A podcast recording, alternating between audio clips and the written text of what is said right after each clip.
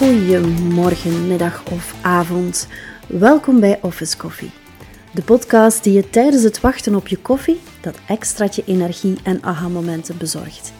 Ik geef je alle tips, tricks en hacks waardoor je jouw verlangen naar een vrijer leven waar kunt maken. Hoe we tijd kunnen bijtoveren zonder een 25ste uur in een dag te creëren.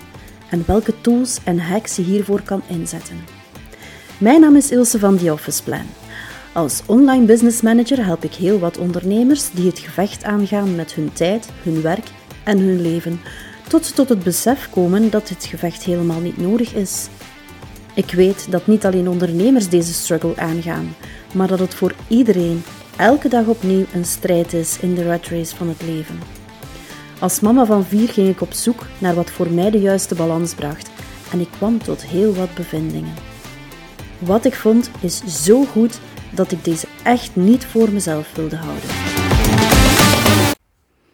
Hoe is? Goed, maar druk, druk.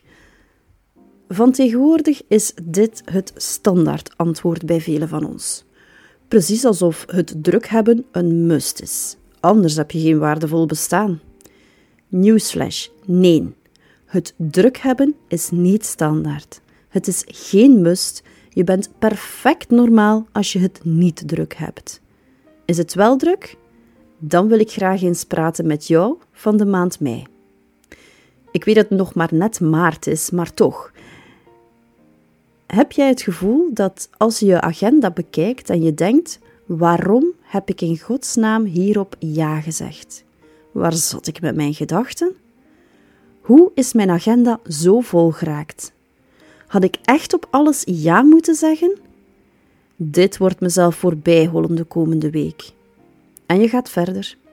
De rest van de tijd jezelf voorbij gaan lopen. Misschien waren de dingen die je agenda zo druk maken op het moment dat je het vastlegde wel leuk of interessant. Maar het was al zo druk en toch plande je er nog die dingen bij. En nu ben je eraan gebonden. Tja, je wou het eigenlijk niet doen, maar je voelde je een beetje verplicht. Dus ja, je hebt toegezegd. Klinkt dat bekend? Geloof mij vrij, dat is menselijk. Iedereen heeft dat wel eens meegemaakt. Ik heb mij al vaak die vraag gesteld waarom we dan precies wel toezeggen. Ook al hebben we eigenlijk geen zin of hebben we eigenlijk nood aan rust. Ik denk dat het komt omdat het gemakkelijker is om ja te zeggen en het tegen onze zin te doen dan om nee te zeggen en misschien iemand teleur te stellen of een gevoel van FOMO te hebben. Het is zelf nog gemakkelijker om ja te zeggen over iets dat in de verre toekomst ligt. Precies alsof we waar we ja op zeggen opdringen aan iemand anders en niet aan onszelf. Of misschien lijkt het als we ja zeggen voor een afspraak in mei, alsof het nooit mei zal worden. Of je denkt, dan zal ik wel tijd hebben. Soms kan je jezelf wel voor het hoofd slaan op het moment dat je ja aan het zeggen bent, maar het onheil is geschied. Het is alsof we ons moreel verplicht voelen om ja te zeggen. Geloof me, in de maand mei zal je het net zo druk hebben als nu. Je zal net dezelfde persoon zijn en je zult net zoveel te doen hebben. Alleen heb je vandaag in maart je agenda van mei ook al volgestouwd. Mijn tip dus voor vandaag. Als je een vraag krijgt voor een afspraak of verplichting in de verre toekomst, stel je de vraag: zou ik het morgen doen? Zou je andere zaken annuleren of verplaatsen om deze afspraak te laten doorgaan? Zal je even enthousiast zijn in mei? Als het antwoord nee is, heb je ook onmiddellijk je antwoord voor mei. Een nee nu is zeker een nee voor de maand mei. Vind je het moeilijk? Zet je dan even in iemand anders zijn plaats. Als ik het niet was, maar iemand anders, zou ik dan ook zo handelen? In zekere zin geven we waarschijnlijk meer om ons toekomstige zelf dan om de meeste andere mensen. Uiteindelijk zullen we die toekomstige zelf ooit zijn. Toch behandelen we die zelf vaak slechter dan een willekeurige vreemdeling. Even een voorbeeldje. Als je vandaag een tatoeage neemt, verplicht je ook je toekomstige zelf om die tatoeage te nemen. En dat doen we vaak zonder die toekomstige zelf ooit te hebben geraadpleegd. Laat staan de toestemming hebben gekregen.